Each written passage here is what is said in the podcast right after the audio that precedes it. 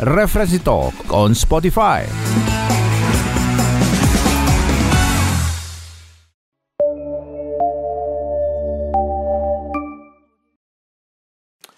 Kita jumpa lagi dalam obrolan di edisi kali ini. Masih bersama saya Maulana Isnarto. Hari ini momentumnya soal kalau bicara Juni itu sebenarnya bicara banyak banyak peringatan. Banyak uh, celebration. Di antaranya Hari Lingkungan Hidup Sedunia, tapi yang nggak boleh lupa juga kita harus lihat dan kita juga jadikan momentum untuk berpikir dan melaksanakan pikirannya adalah The World Music Day, Hari Musik Sedunia. Kalau dengar musik pasti ngomongnya soal ciptain lagu gitu ya. Kemudian nyanyi lagu, request lagu kalau di radio atau mungkin Anda punya tangga lagu kalau di TV atau mungkin Anda bikin playlist di YouTube dan sebagainya. Um, you can get playlist di Spotify, di iPhone, di Android dan sebagainya. Tapi apa pernah kita coba berpikir untuk lihat dari sisi berbeda? Sebenarnya momentum Hari Musik Dunia bisa kita gunakan untuk melihat relevansinya dengan kondisi hari ini. Dan sepertinya saya sudah bersama orang tepat di kediaman beliau. Kalau Anda lihat bersama saya adalah seorang pianis jazz, musisi jazz ternama, legendaris yang harus saya ajak ngobrol karena mungkin obrolan ini akan lintas generasi sekali. Saya mungkin seumuran cucunya beliau nih, Bang Idang Rasidi. Masih bertahan Bang Idang? Masih bertahan, insya Allah bertahan. Terima kasih banyak di tengah kondisi gini, Bang Idang bisa terima saya untuk ngobrol World Music Day gitu ya. Kadang-kadang kita ngomong musik tuh, tadi saya bilang ngomongnya soal nyiptain lagu, lagu enak, apa yang lagi hit, lagi trending dan sebagainya. Tapi saya mulai berpikir untuk kira-kira ya, ketika kita bicara soal apa namanya hari peringatan musik sedunia sebenarnya. Saya yakin sebenarnya hari itu diciptakan tuh punya maksud lebih dari soal hanya ngomongin musik dari sisi not ataupun instrumen dari alat musik sebenarnya. So, apa yang apa yang mungkin kita bisa relevansikan ya kondisi hari ini dengan uh, peringatan Hari Musik Sedunia itu menurut pengalaman Bang Idam? Oke. Okay. Uh, kalau kita bicara tentang Hari Musik, kita jangan lupa tidak bisa terlepas dari apa yang kita sebut dengan collaboration. Setiap hari kita melakukan kolaborasi. Setiap hari musik itu adalah kehidupan.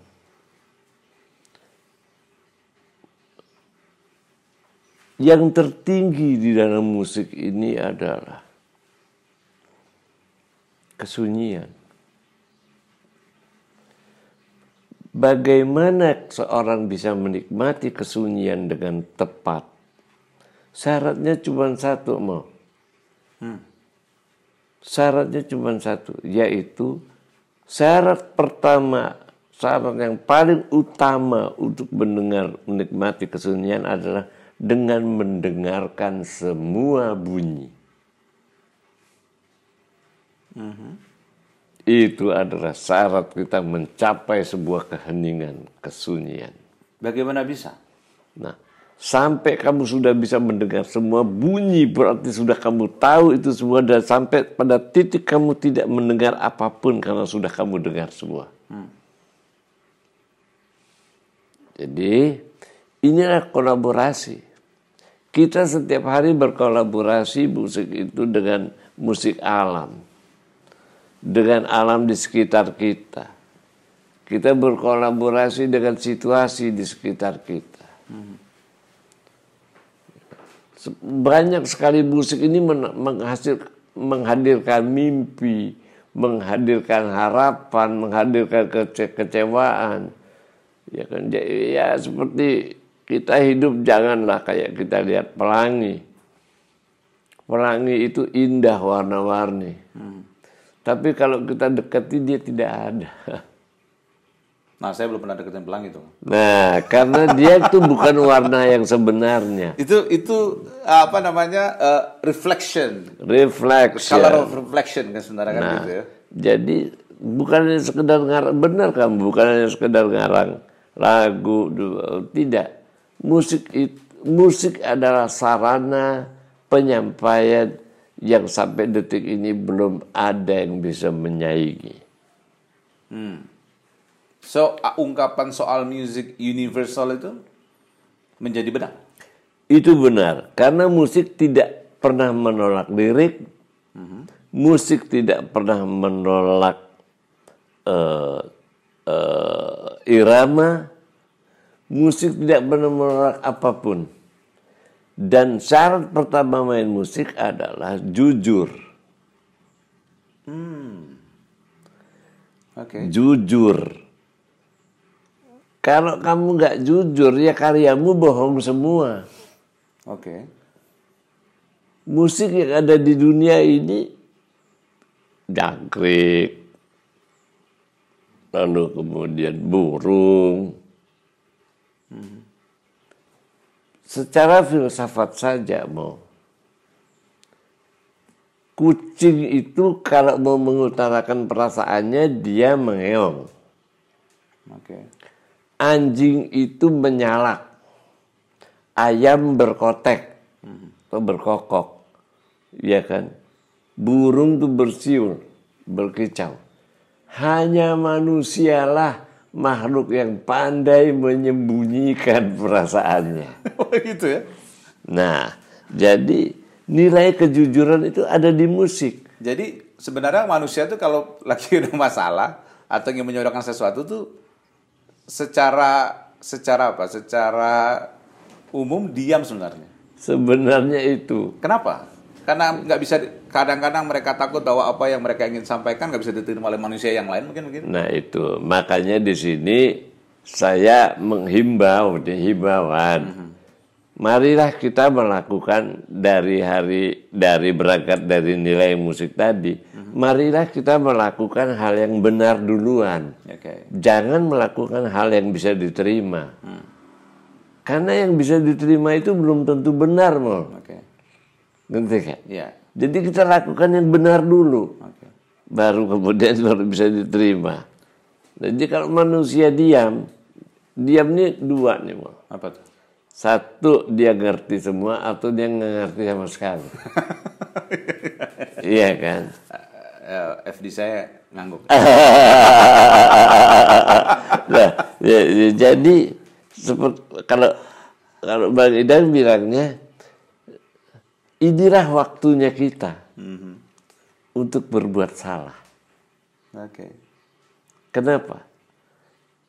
Karena biar kita tahu yang benar yang mana. Ini mungkin karena Bang Idang itu musik jazz kali ya. Karena saya pernah baca tuh jazz itu sebenarnya jenis musik yang nggak common sebenarnya dulu.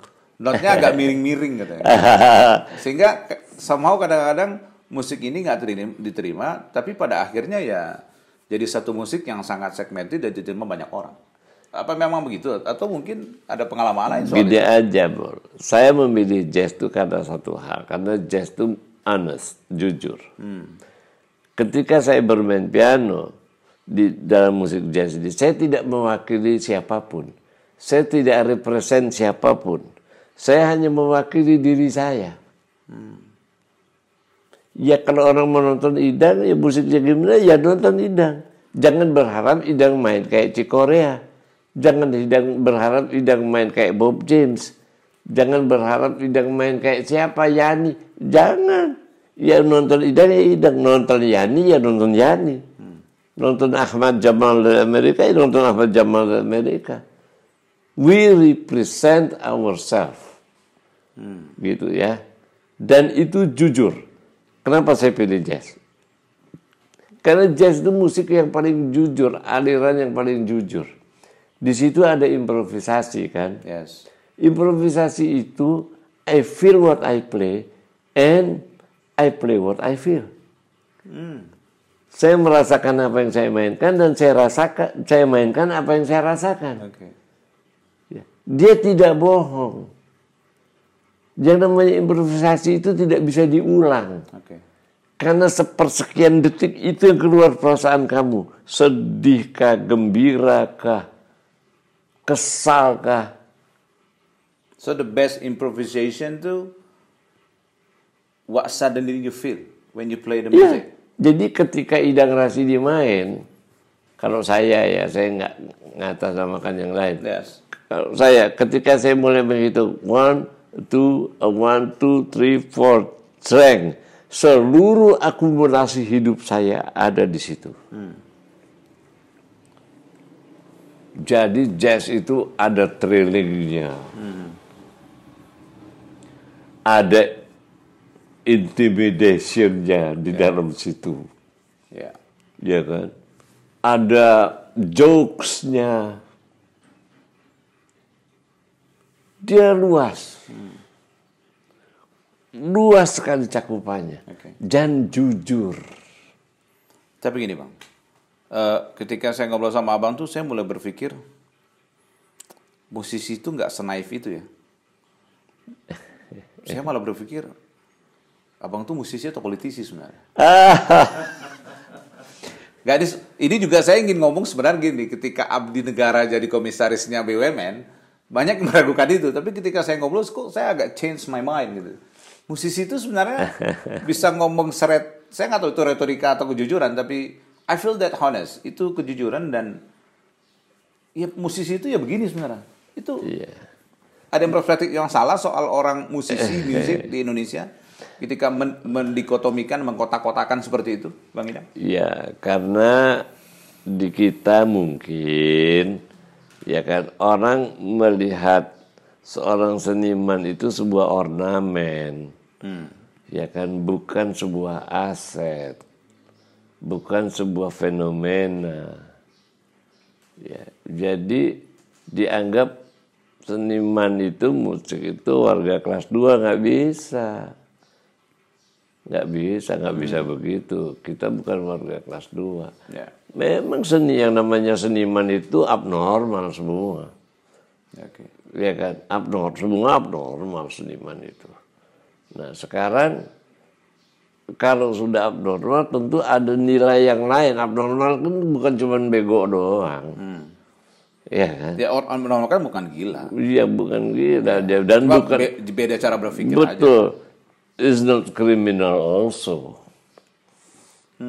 Gitu kan. Ya, betul. Nah, ketika si Abdi the slang ya, itu jadi itu banyak yang mempermasalahkan gitu. Saya bingung kenapa? Kalau lo yang jadiin bukan siapa-siapa, tiba-tiba lo jadi eh, komisaris sebuah perusahaan BUMN, terus lo ngomongnya apa coba? Ya.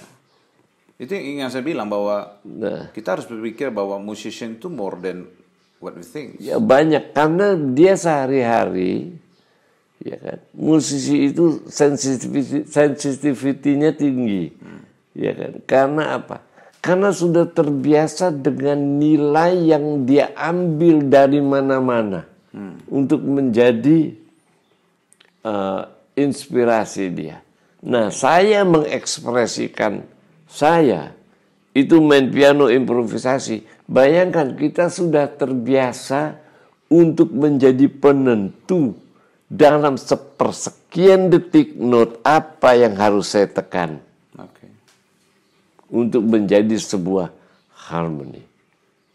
Nah, karena apa?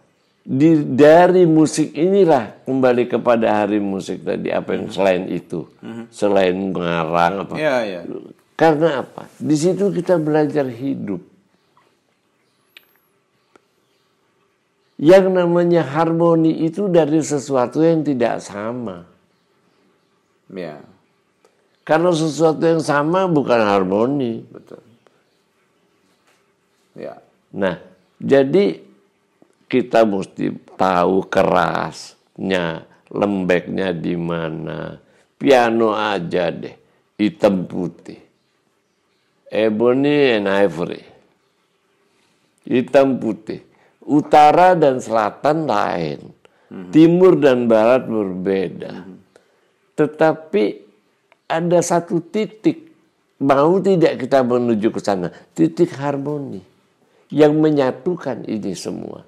Nah, musik itu begitu. Musik itu mengajarkan bagaimana kita menghargai seseorang atau orang lain. Kita main band nih. Si- Nomor satu main band itu syaratnya ikhlas. Iya dong. saya ikhlas main sama pemain bass, pemain bass ikhlas main sama saya. Saya ikhlas sama kalau udah gak ikhlas jangan main. Oke. Satu.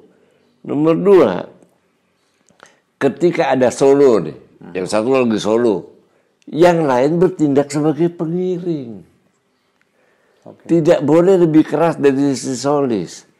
Nah, si solis tidak bisa solo sendirian terus. Dia harus turun. Dep. Ketika yang lain jadi solis, maka dia akan menjadi pengiring yang bagus. So, bisa nggak kita bilang sebenarnya World Music Day itu uh, sedang mengirimkan pesan ke seluruh warga dunia Exactly. soal respecting what's each other. Yes, exactly. Sebetulnya itu. Itu sebuah kesimpulan yang benar. Karena jangan kita melihat musik ini cuma bunyi-bunyian. Tidak, musik itu bukan hanya tetabuhan dan bunyi-bunyian. Tidak. Music is a value of life. Ada nilai yang orang menganggapnya enteng-enteng aja. Oke. Nggak bisa. Oke. Nggak bisa. Tapi gini. Satu note itu bisa bisa ngambil nyawa orang. Sekarang contoh nih. Boleh ya saya Boleh. kasih contoh? Boleh. Kamu coba perhatikan satu ujung jari saya nih. Terus kemudian ini satu ujung jari saya dia. FD FD boleh lihat nih. Ya. Ya, Ini musik ya. Ini saya tempelin gini, kita perhatiin nih ya. Terus saya, saya giniin bunyi. Tang. Oke. Oke. Tang. Bunyi kan? Tang, tang, tang, tang, tang, tang, tang.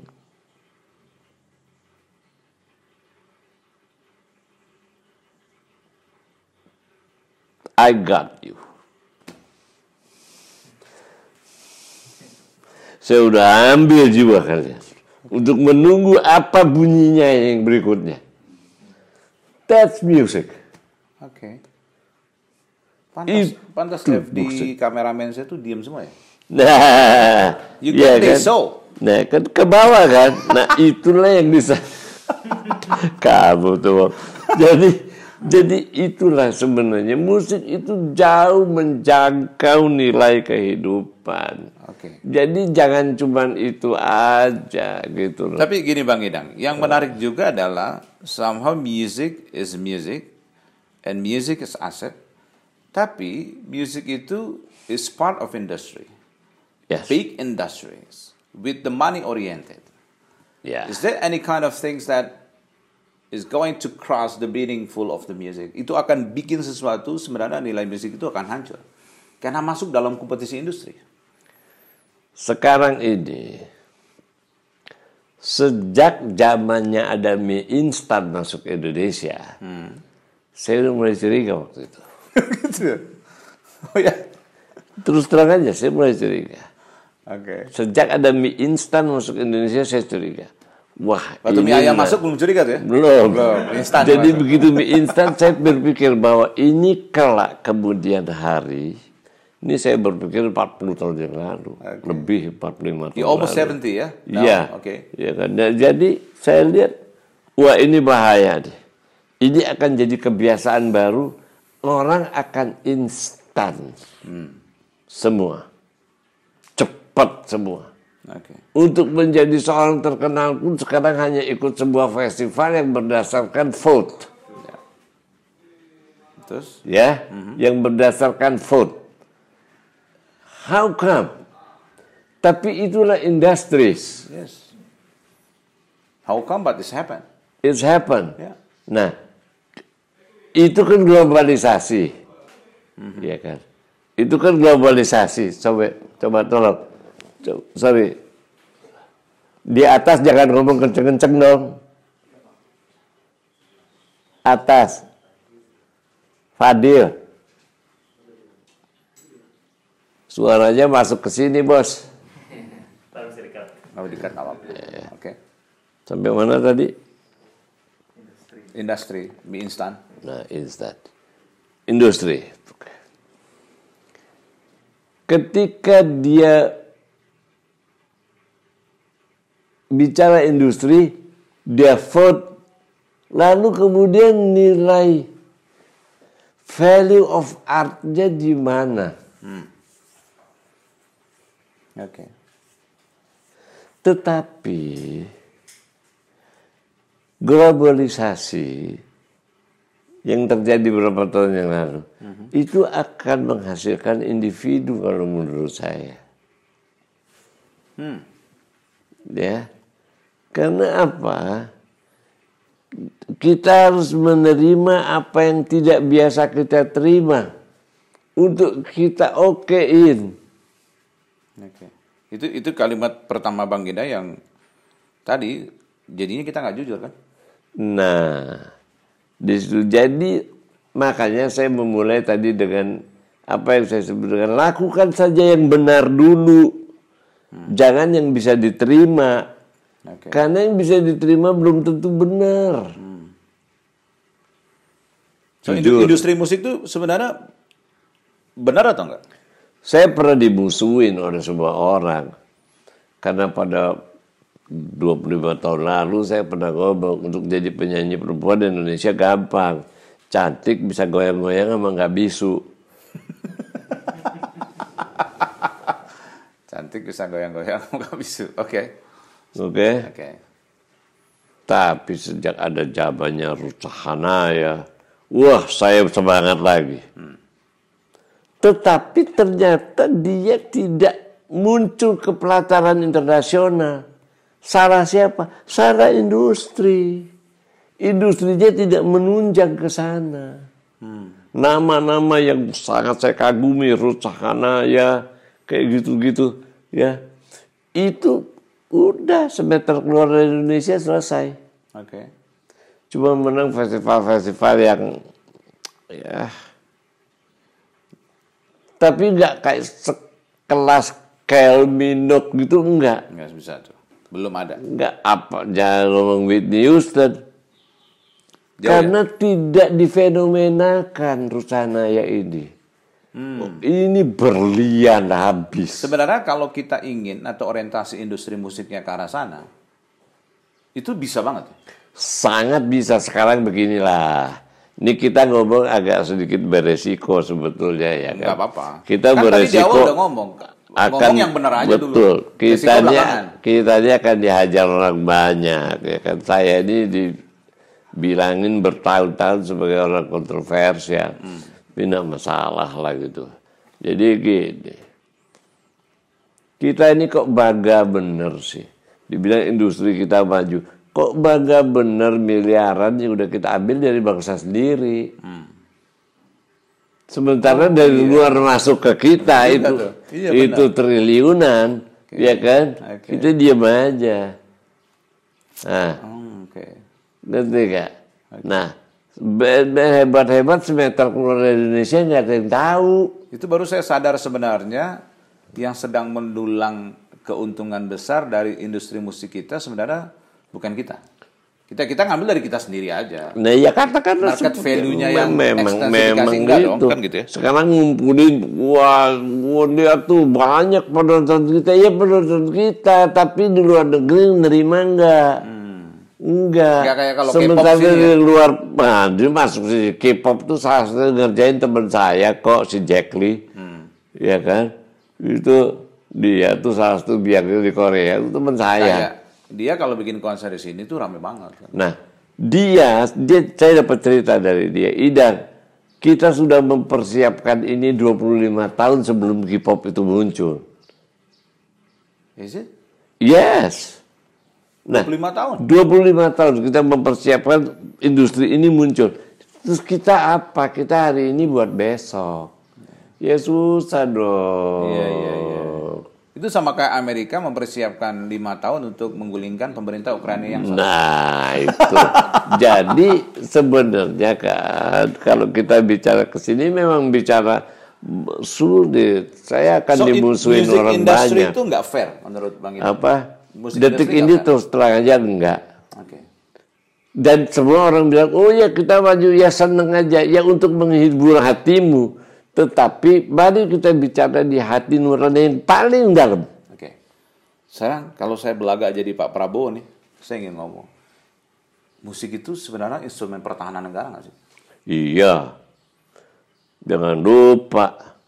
Hmm? Jangan lupa. Contoh seorang tokoh Iwan Fals. Bisa menggoncang Indonesia. Ayo. Iya kan? Rolling Stone dengan I Can Get No Satisfaction-nya bisa menggoyang dunia. Oke. Musik itu sarana penyampaian yang tidak ada duanya. Pilkada deh. Ya kan, mau pil apa kayak pilkina kayak apa. Pilkada ini nggak ada apa-apanya kalau nggak ada seniman musik. Betul. Hampir semua kampanye itu harus ada Nah, musiknya. harus ada musik. Emang lu mendengerin lo pidato doang? Enggak. Iya, iya, iya. Orang kumpul karena musik. Dua aja sebenarnya. Nah, kalau, tetap. kalau nggak dengerin musik, kemudian bagi kaos. Nah itu dia akan dapatlah dikit-dikit gitu nasi bungkus. Saya, saya nggak ngomong tuh kali itu. Ya kan Ja- jadi jadi kalau kita bicara musik yang jujur, Iya. ya kan, itu ayolah berpikirlah yang bagus, Oke. berpikirlah yang jujur, ya kan, berpikirlah yang jujur. Jujur saya bilang tadi dianggap nyerang orang. Iya. Kalau kita jujur dianggap kita nyerang orang. Betul. Karena orang tidak terbiasa lagi dengan nilai kejujuran. Oke. Nah industri di kita, industri musik kita, terus terang aja harus dibenahi. Jangan ngomong ini itu yang nggak ada urusannya dengan teknis. Oke. Dan mereka-mereka yang masuk ke dalam lembaga negara seperti DPR apa segala macam, mana lu ngomongin soal ke kemajuan musiknya Kan kita? katanya ada kemarin tuh soal pajak royalti dan sebagainya. Yaitu pajak royaltis untuk siapa? Lo bukan untuk Bang Idan dan kawan-kawan musisi. Nggak ada. Oh ya? Jadi gini ya, jadi itu mungkin sebagian menikmatinya dan sebagian besar Tidak menikmati. tidak, ya kan? Karena itu maksudnya bagus mulia, tetapi mereka tidak siap dengan infrastruktur sistem, tidak siap. Oke. Sekarang begini, yang kontrol siapa? Oke. Yang kolek siapa? Yang terima siapa? Nah, yang terima siapa? Iya. Beberapa pemusik top yang meninggal dunia, bahkan kita yang ngurus. Sampai pemakamannya, jangan ngomong loh yang lain. Jangan ngomong. Oke. So, musik itu di negara ini dia nggak apa-apa dong. Dia Dianggap ornamen. so, something yang nggak penting. Kesenian aja lah dianggap untuk ada pembukaan ini, pembukaan itu. Nggak bisa gitu dong. Tapi tidak pernah ini dianggap sebagai industri. Oke. Tidak pernah ini difenomenakan. Seniman itu kasihan. Seniman itu hebat loh. Ya. Oke. Di dalam syarat tokoh zaman dulu, literatur tokoh. Oke. Tokoh itu bukan gubernur, bukan jenderal, bukan apa, bukan. Oke. Yang disebut dengan tokoh itu satu adalah Nini Paraji. Dukun beranak. Dua guru ngaji. Tiga. Hah? Ya kan tiga seniman dalang. Oke. Itu masuk dalam literatur tokoh. Keempat baru pemuka agama. Ini yang disebut dengan tokoh. So, Ini begitu jadi bupati, selesai jadi bupati jadi tokoh. Mana bisa? Nggak gitu. Tokoh itu adalah mengakar kepada masyarakat. Dia diakui secara verbal, secara psikologis. Dia diakui. Oke. Dan contohnya, di kerajaan-kerajaan kita, suksesi kerajaan. Sekarang ka- kamu kan tahu ada prasasti, Ada. ya kan? Itu prasasti nggak sembarangan, harusnya kita belajar dari situ. Oke. Prasasti itu diperuntukkan bukan untuk semua raja. Diperuntukkan untuk raja-raja yang sudah meninggal dan setelah dia meninggal masih dibicarakan selama 15 tahun lebih. Bahkan dia berhak mendapat prasasti. Yang tidak dibicarakan dari 5 tahun udah habis, nggak ada prasasti. Nah kita mestinya begitu. Itu ukuran bisa nggak akhirnya kita bilang bahwa bagaimana musik suatu negara itu akan menentukan seberapa level peradaban negara itu. Sangat. Oke. Saya Bang Idang tuh sekarang sedang sedang membuat gerakan. Ya, mohon maaf dia. Saya mohon maaf sekali. Saya sekarang sedang membuat gerakan di mana-mana. Yaitu saya ingin membuat gerakan yang disebut dengan the new civilization. Oke. Saya mulai dari tradisi. Peradaban baru. Peradaban baru. Saya bikin tradisi baru ini teman-teman yang ada di rumah ini itu dari Bangka. Sa- saya tuh Datang agak sini. tenang. Takutnya tadi Bang Idang, saya lagi bikin sebuah gerakan The New World Order. Tuh, saya agak... The New Civilization is okay. Jadi peradaban new- itu di- masalah. peradaban baru. Ya kan. Indonesia ini hanya belajar sejarah terus. Ya. Buat sejarah lupa. ya. Oke. Ya. Ya, i- intinya saya nggak takut karena saya harus ngomong sama Bang Idang. Takut kita nggak akan pernah melakoni sejarah sebenarnya. Mungkin our generation has never treat something about the history.